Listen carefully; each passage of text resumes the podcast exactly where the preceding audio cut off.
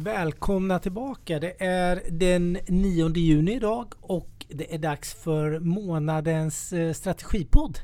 Och eh, rakt över mig har jag placerat makrostrateg Pekka Kente. Välkommen! Tackar så mycket. Tackar så mycket. Det är lite senare den här månaden. Vi brukar ju ha det lite tidigare. Ja, och jag som pratar heter Per Ståhl. Ja, jag var lite ledig förra veckan. Tidig semester får man väl säga. Eller tidig hemester. Men nu är vi tillbaka. Men det var väl lite bra att vi var att det blev lite sent med tanke på att jag vet att eh, när vi pratade senast, det är någon dryg vecka sedan, du sa att det kommer tre, tre stora händelser eller lite rysare. En har kommit och den kom i fredags när jag var ledig.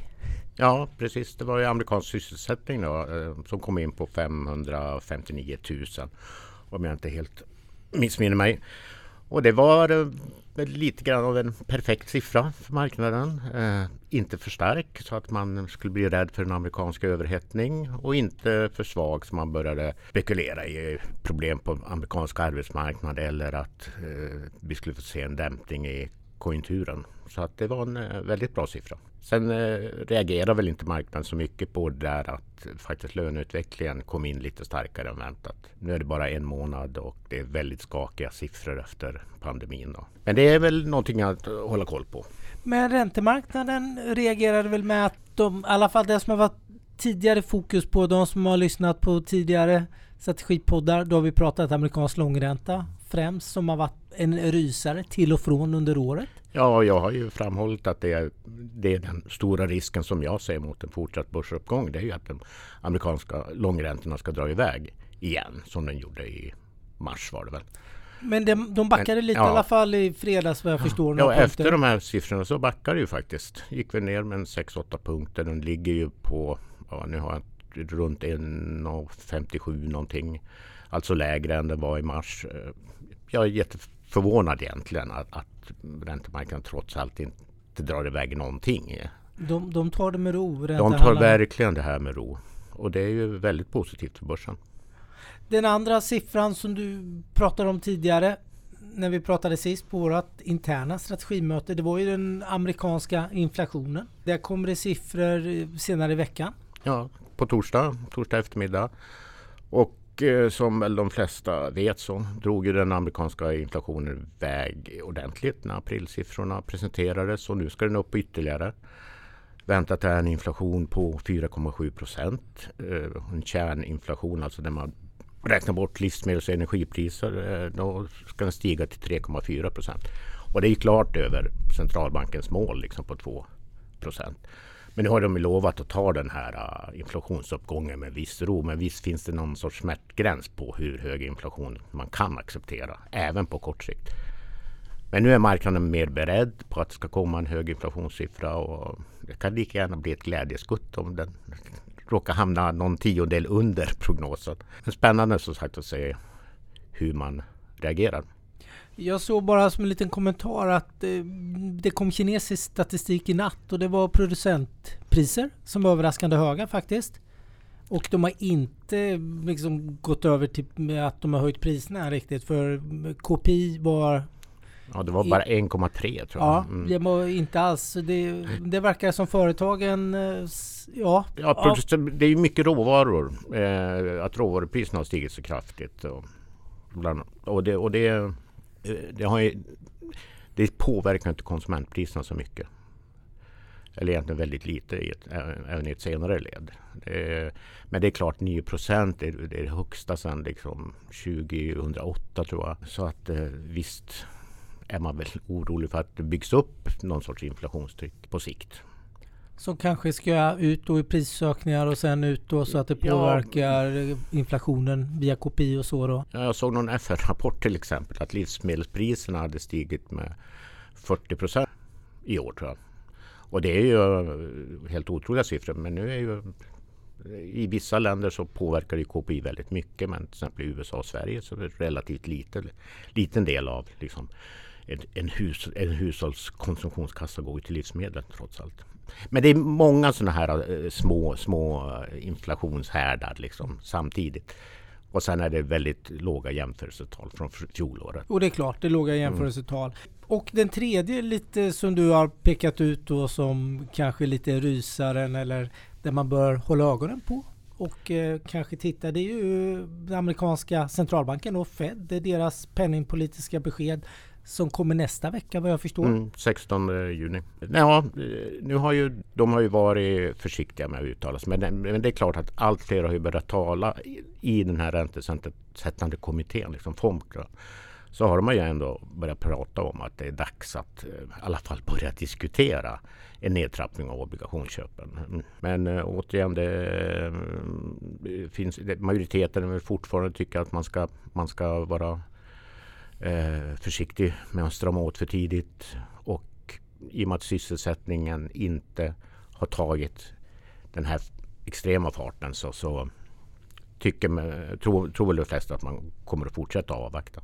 När är nästa, om, nu ska jag inte frontrunna allting, men det är möte nästa vecka. När är mötet efter det som man kan eh, tänka sig? Ja, nästa, nästa viktiga besked tycker jag, det kommer väl i augusti när det är Jackson Hole-mötet. Eller det är ju inte ett det är ju inget Fed-möte. Det är inget Fed-möte utan det är ett stort centralbanksmöte. Och sen är det ju september då som många pekar ut som den, den, den månad där ett, ett sånt här tapering, alltså krympa obligationsköpen ska kunna komma. Liksom. Men tror du att marknaden är förberedda? Har man lärt sig? Det var det åttaårsjubileum man pratade om här för några veckor sedan när man stökade till marknaden rejält. Då. Ja, det var i maj 2013 tror jag som Ben Bernanke etablerade egentligen begreppet tapering. och då var det en stor överraskning för marknaden och det var ju det, det, som fick börsen att reagera så pass kraftigt den gången. Nu är man ju definitivt mer förberedd. Men en liten reaktion kommer vi ju få eh, ändå liksom, när man börjar strama åt. Allting handlar ju om hur, hur fort man tvingas gå. Och det, det är här inflationen då kommer in. Att Visst, vi förväntar oss en hög inflation här under några månader. Men får vi en fortsatt hög inflation liksom i, under sensommaren och sådär, då, då kan det definitivt bli oroligt på marknaden. Men vad tror du vi får se amerikansk långränta på? Då är det närmare 2 att den, om det både kommer hög inflation och man börjar prata tapering. Är det där den ska ligga då kanske någon mer normalt kortsiktigt eller hur man nu... Ja, ja upp, mot, upp mot 2 mot, i slutet av det här året vore väl rimlig nivå på, på räntan. Och jag vet att till exempel för finansminister Yellen var ute och pratade om och hon tyckte att det skulle vara bra med lite högre räntor. Så att det, alla är ju beredda på det. Ja, alla är beredda på det. Jag vet inte, när du kom in idag och pratade, jag, jag hittade ju en liten jag hittar ju inte pressreleasen men jag hittade kommentarer kring Fed släppte en pressrelease förra veckan. Eh, där man, på tal om tapering då, där man kommenterade sina ETF. ETF-köpen som man gjorde under fjolåret på framförallt företagsobligationsmarknaden när den i princip eh, eh slutade fungera, vilket den även gjorde här i Stockholm, men den gjorde den även globalt mer eller mindre. Då klev Fed in och handlade ETF för att tillföra likviditet. Nu inser jag ju att det är en droppe i havet av hela den här stor, enorma balansräkningen som Fed då har byggt upp nu sen i finanskrisen 2008 i princip. Det är en droppe i havet. Eh, och det är inte så mycket heller på ETF-marknaden. Så att de är, det är mindre än 5% av utstående värde då i de här ETFerna som man har handlat i. Men det säger man nu att man har inte köpt och man kommer att sälja de ETFerna som man har i balansräkningen då. Det här, de här försäljningarna ska göra eh, senast årsskiftet.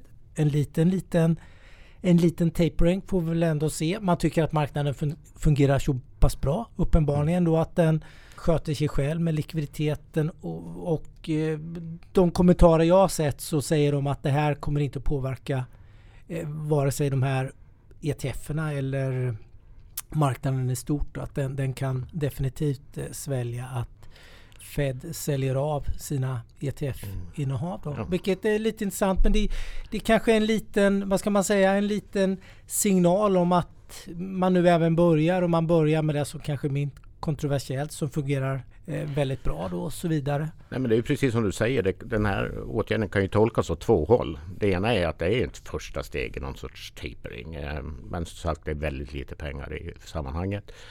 Eh, men den tolkningen är ju, är ju att eh, marknaden fungerar nu. När man köpte dem så var det viktigt att signalera att man var beredd att köpa för att ha en fungerande marknad. Och nu när allting flyter på så kan man lika gärna sälja av dem. Så det är ju en positiv signal. Då. Ja, det är mm. så jag tycker också att man ska tolka och som aktörerna verkar tolka det. Biden ska på sin Europaresa snart. Eller kanske börjar idag redan? Är det inte den nionde? Ja, jag, jag, jag ska ja, något osagt. Det är toppmöte i alla fall i Genève nästa vecka den 16 med ja. ryssarna och före det är det massor med NATO-möten och G7-möten och dylikt. Men stimulanspaketet som vi har pratat väldigt mycket om och som det har pratats mycket om. Vad ligger vi där och vad är status? Ja, status är ju att han har eh, krympt infrastrukturpaketet med eh, kommer ihåg, 600 miljarder dollar. Eh, och eh, eh, sagt att eh, han är beredd att inte höja företagsskatterna så mycket som var i det ursprungliga förslaget för att få med Republikanerna på tåget. Eh, men Republikanerna har ju ett betydligt mindre infrastrukturpaket eh, så att det kommer vara en kamp. Nu har ju Demokraterna någon sorts teknisk majoritet då, i och med att de har 50 eh, platser plus vicepresidenten. Men eh, det är klart, det finns några skeptiska demokrater också. Så att vi får se hur det där paketet till slut kommer att falla ut. Och det är viktigt att han har ett finansieringsförslag. Alltså det, det går ju inte liksom att fortsätta att låna på i den här utsträckningen som man gör idag. Liksom. Så mycket diskussioner eh, kring detta. Eh, och eh, ja, det är den andra stora grejen är just det här med, med de här globala företagsskatterna som diskuteras. Någon sorts miniminivå. Men det, det, kommer att vara ett förhandlingsspel som heter duga. Liksom. Det, det, är en lång puck. ja, Storbritannien har redan tyckt tycker redan att man ska göra undantag för finanssektorn. Som så är viktig för dem. så att alla kommer ju vilja ha undantag för sin sektor. Så det, men det, det är klart att det, det, är ett första steg och vi får nog vara beredda på att det blir någon sorts minimiskatt till slut. Men de flesta verkar välkomna. Alltså de, på regeringsnivå i många länder verkar man ju generellt sett vara positiv. Även då att man vill göra undantag som i Storbritanniens fall där man har en enorm finanssektor då som väger väldigt tungt. Ja. Nej, det är ju den här race to the bottom med skatter som man vill undvika. Så vi har ju haft en, en nedgång i företagsskatter som är liksom egentligen enorm de senaste liksom 20 årsperioden. Den låg ju på genomsnittliga skatten tror jag låg på 40 procent. Liksom. Eh, och nu är den nere på långt under, ja, långt under 20. Liksom. Mm. Ja, men det är lite spännande och det är mycket kommentarer kring det. Jag har bara en liten annan reflektion eh, på stimulanspaketet. För när det började diskuteras som allra hetast lite i, februari när även den här mm, överraskande inflationssiffrorna kom eh, så tog det läkemedelsindustrin och biotechindustrin blev det brutalt för.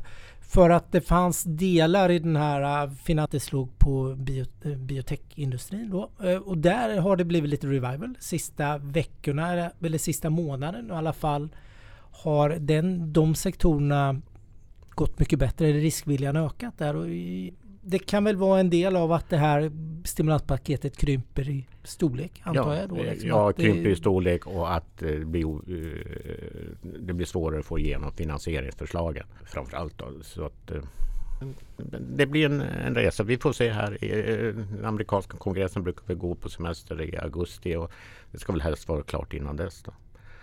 Ja, vill jag återkomma mm. till det. Eh, jag tänkte något annat som är mycket närmare nu. Det är ju, vi har pratat Fed, eh, om vi pratar den andra stora globala, eller globala, den stora centralbanken då ECB.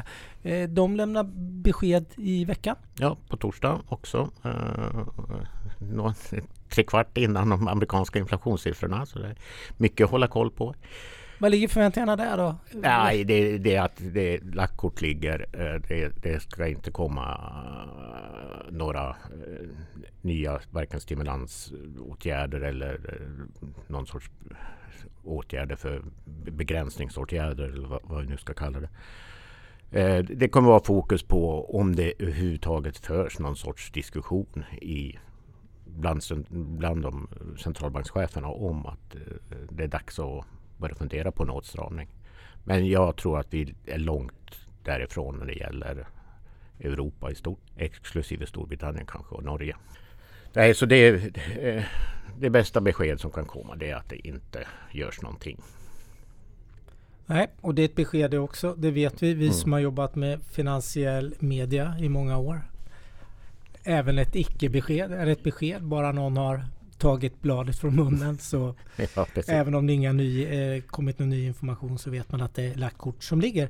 Svenska konjunkturen, den har ju överraskat mig det senaste året något oerhört. Ja, det, det som sagt det, svensk ekonomi rusar på. Det kom dock eh, lite eh, små, små svaghetstecken här om dagen när, vi, när de presenterade industriproduktions och för april. Alltså eh, hårda siffror från Statistiska centralbyrån. Och de var väl svagare än väntat. Nu är det bara en månad så mm, det är ingen som drar några långtgående slutsatser. Men det är, jag funderar på det att det kanske slår lite grann det här med, med produktionsstörningar och sånt där. Att man inte får leveranser i tid. Och man kanske inte kan ta liksom alla order som, som de facto kommer. Liksom, för att, Jag såg att det var svagt i Tyskland också. Eller ja. det var svagare än väntat. Men att jag läste någon kommentar och de, de trodde att det var tillfälligt också. Och de hänvisar precis till det du säger mm. att det är störningar i produktionsled eller, ins eller ja, halvledare bland annat ja. har vi pratat mycket om tidigare då. Och den problematiken verkar finnas kvar. Och det, och det blir ju intressant inför framförallt inför kvartalsrapporterna som kommer då i, för eh, andra kvartalet. Hur, hur företagen har hanterat detta och hur, hur de ser på utvecklingen framöver. Vi hoppas ju hela tiden att det ska återgå till liksom normala handelsströmmar i världen. Ja. Vi är inte där än. Jag läste någon blänkare här att det kommit små covid-utbrott i Kina som bland annat har stört hamnarna där. Så mm, det hänger sig kvar. Det hänger sig kvar vi får se mer. Nu är det ju lite mellanperiod där som det inte är särskilt mycket rapporter eh, under juni utan det kommer igång det kommer i, juli. Mm. Det kommer i juli, början på juli. Så vi får se mer. Eh, om, nu har vi pratat både Fed och ECB. Riksbanken då, vad, vad gör de och vad tänker de?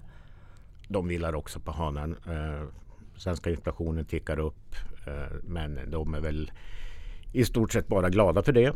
Dels så gör, gör det deras prognoser om, om, inflationen mer trovärdiga och sen är det ju högst tillfälliga uppgångar i Sverige. Redan i, under sommaren så förväntades ju inflationen krympa ner under 1 procent igen. Liksom. Så de är väl bara glada att de får lite höga inflationsutfall och förhopp att det förhoppningsvis biter sig kvar lite. Ja men det där är lite mm. intressant. Nu tänker jag, nu ska vi inte, jag gillar ju att springa förväg, det har du mm. märkt. Men om vi, när vi sitter här om ett år Pekka, då kommer vi ha enorma jämförelsetal. Alltså då kan vi ju till och med, kanske jag kan tänka mig att inflationen blir negativ igen. Jag har ingen aning men det är ju lite. Du, du nämner ju det själv, jämförelsetalen talar för att det blir så hög inflation nu. Om vi tittar ett år framåt då, då kan vi ju vara tillbaka där vi har varit så många gånger tidigare. Med extremt Ja, de, de, de svenska, de inhemska inflationskrafterna är ju fortfarande små liksom, och svaga. Och det kommer att hänga sig kvar. Alltså det, jag brukar alltid peka på att löneutvecklingen måste ta fart lite bättre för att eh, så att eh, inflationen kan mycket väl krympa neråt. Och eh, där är, är en rysare för Riksbanken vad som händer med kronan. Ja. Vi, vi börjar ju, kronan har ju gått gått egentligen riktigt bra och eh, verkar klara lite sådana här eh, små orosbrasor som tänds liksom, på ett hyggligt sätt den här gången. Och, det kanske blir en ny attack mot till exempel 8 kronor för en dollar och 10 kronor för en euro. Ja, jag såg att den är 10,07 var det jag tittade senast ja. på, på, vilket överraskade mig för jag tittar inte på euron dagligen och den var ju närmare 10,20 när jag tittade mm. för någon period sedan. Och fortsätter riskaptiten att hålla i sig svensk konjunktur eh, som om vi tittar på eh, som eh, är bland de bättre i världen. Liksom. I alla fall bland mer utvecklade ekonomier. Så visst finns det potential för ytterligare kronförstärkning. Mycket handlar ju dessutom om vad Riksbanken säger och hur Riksbanken kan tänkas agera. Men det, det, ligger inom eh, möjligheternas ram att vi går under, går under tian inom en hyfsat nära framtid och eh, kryper ner mot 8 kronor mot dollarn. Dollarn har ju gått svagt nu när eh, så att säga, realräntorna är väldigt låga. Så intressant, men vi har ju sagt det där förr. Mm. I alla fall jag, att ja, snart är vi där. Men vi närmar oss för varje så att säga rörelse i kronan så varje gång den stärks så tar vi några ören till liksom, mot de här stora valutorna. Men, men du säger det själv, vi har en stark konjunkturåterhämtning. Den är starkare än i de flesta mm. Eh, länder, vilket man kanske har sett tydligt på kronan, men ändå tydligare på börsen. Som Stockholmsbörsen har ju en till eh, de absolut bästa börserna i år. Då. Så investerarna verkar ju ändå ha tagit rygg på den här starka återhämtningen som sker uppenbarligen i Sverige och med kronan. Jag tänkte något annat som har varit hett till och från. Det var lite mindre hett för några månader. Det är råvarorna, men de har kommit tillbaka lite i prisuppgång nu säger du. Det var ju även den kinesiska regeringen inne och försökte bromsa den här eh, kraftiga råvaruuppgången på kanske framförallt eh, koppar och aluminium ja, och, och järnmalm och så. Och det har mycket jordbruksprodukter också. Eh, jordbruks produkter slår ju hårt. Stigande priser där slår ju hårt mot den eh, genomsnittliga kinesiska konsumenten. Det är fortfarande viktigt. Men eh, tydligen var, de inte, var deras signaler inte tillräckligt hårda. Utan eh, efter den här dippen vi såg mitten av maj till ja. slutet av maj så har ju råvarupriserna återigen vänt upp. Och det är ju både så att, säga, eh, att efterfrågan finns där. Leveransproblem kan också bidra till det. Men framförallt den starka konjunkturen. Då. Den förväntade mycket starka globala återhämtningen som vi ska ha under andra halvåret. När allt fler ekonomier öppnas upp och vi förhoppningsvis har börjat se att vi besegrar covid. Och lägg till stimulanspaket och dylikt Stim Ja, infrastrukturpaket. Och, mm. Då är det mycket råvaror som ska användas. Ja, vi får, får inte glömma bort EU-paketet också. Det har egentligen inte börjat rullas ut utan det, det är 750 miljarder euro då som, som förhoppningsvis ska rullas ut här. Det är mycket öronmärkt till grön, gröna initiativ. När, när börjar den rullas ut? Oj, nu sätter du mig här på pottan. Nej, men det, det var inte så. Men jag tänkte, vi har ju pratat om den i ett år nu ungefär. Ja. Eller något. Sen förra sommaren ja. i alla fall. I slutet på förra sommaren då jag måste erkänna att jag är inte så upphungen på just den frågan. Men den ska godkännas i alla de nationella parlamenten och sen ska ju alla så att säga, åtgärder som de här enskilda länderna presenterar också godkännas. För de ska ju verkligen vara liksom, eh, miljövänliga och sådär. Och eh, det ska inte gå till någon sorts för att stärka statskassorna i enskilda länder utan det ska ju vara liksom, nya åtgärder. Ja, det låter som det kan bli en lång konjunkturuppgång nu. Ja förhoppningsvis. Alltså förhoppningsvis. Ju, mm. alltså, men det, jag känner ju att det här kommer ju fortgå med de här stimulanspaketen och man öppnar upp eh, både 22 och 23 känns ju som att det kan bli väldigt bra tillväxt globalt. Ja, så långt vill jag inte gå. Eh, men eh, absolut 2022 ser ju ut att kunna bli ett väldigt bra år. Men det kommer alltid överraskningar. Ja, det kommer, all, det kommer alltid överraskningar. Världen blir ju inte ur ett börsperspektiv så lever ju den perfekta av världar just nu med en förväntad konjunkturuppgång, eh, stimulanspaket, extremlåga räntor. Frågan är liksom vad som kan bli bättre. Mm. Stimulanspaket har ju också den, den effekten att de ger ju en push det året eh, de, de eh, lanseras men sen blir det ju negativ så att säga, effekt när, när, man, inte, när man inte återupprepar dem. Det är lite som inflationen. Det blir tuffare jämförelsetal. Yes. Börsen var, jag vet att börsen överraskade dig lite i maj här. De fortsatte norrut, de flesta ja. börserna, eller med positiv avkastning. Ja, det var ju lite oroligt eh, i maj måste man ju säga ändå. Liksom. Inledningen var inte så bra heller. Det var Nej, ganska tuff inledning.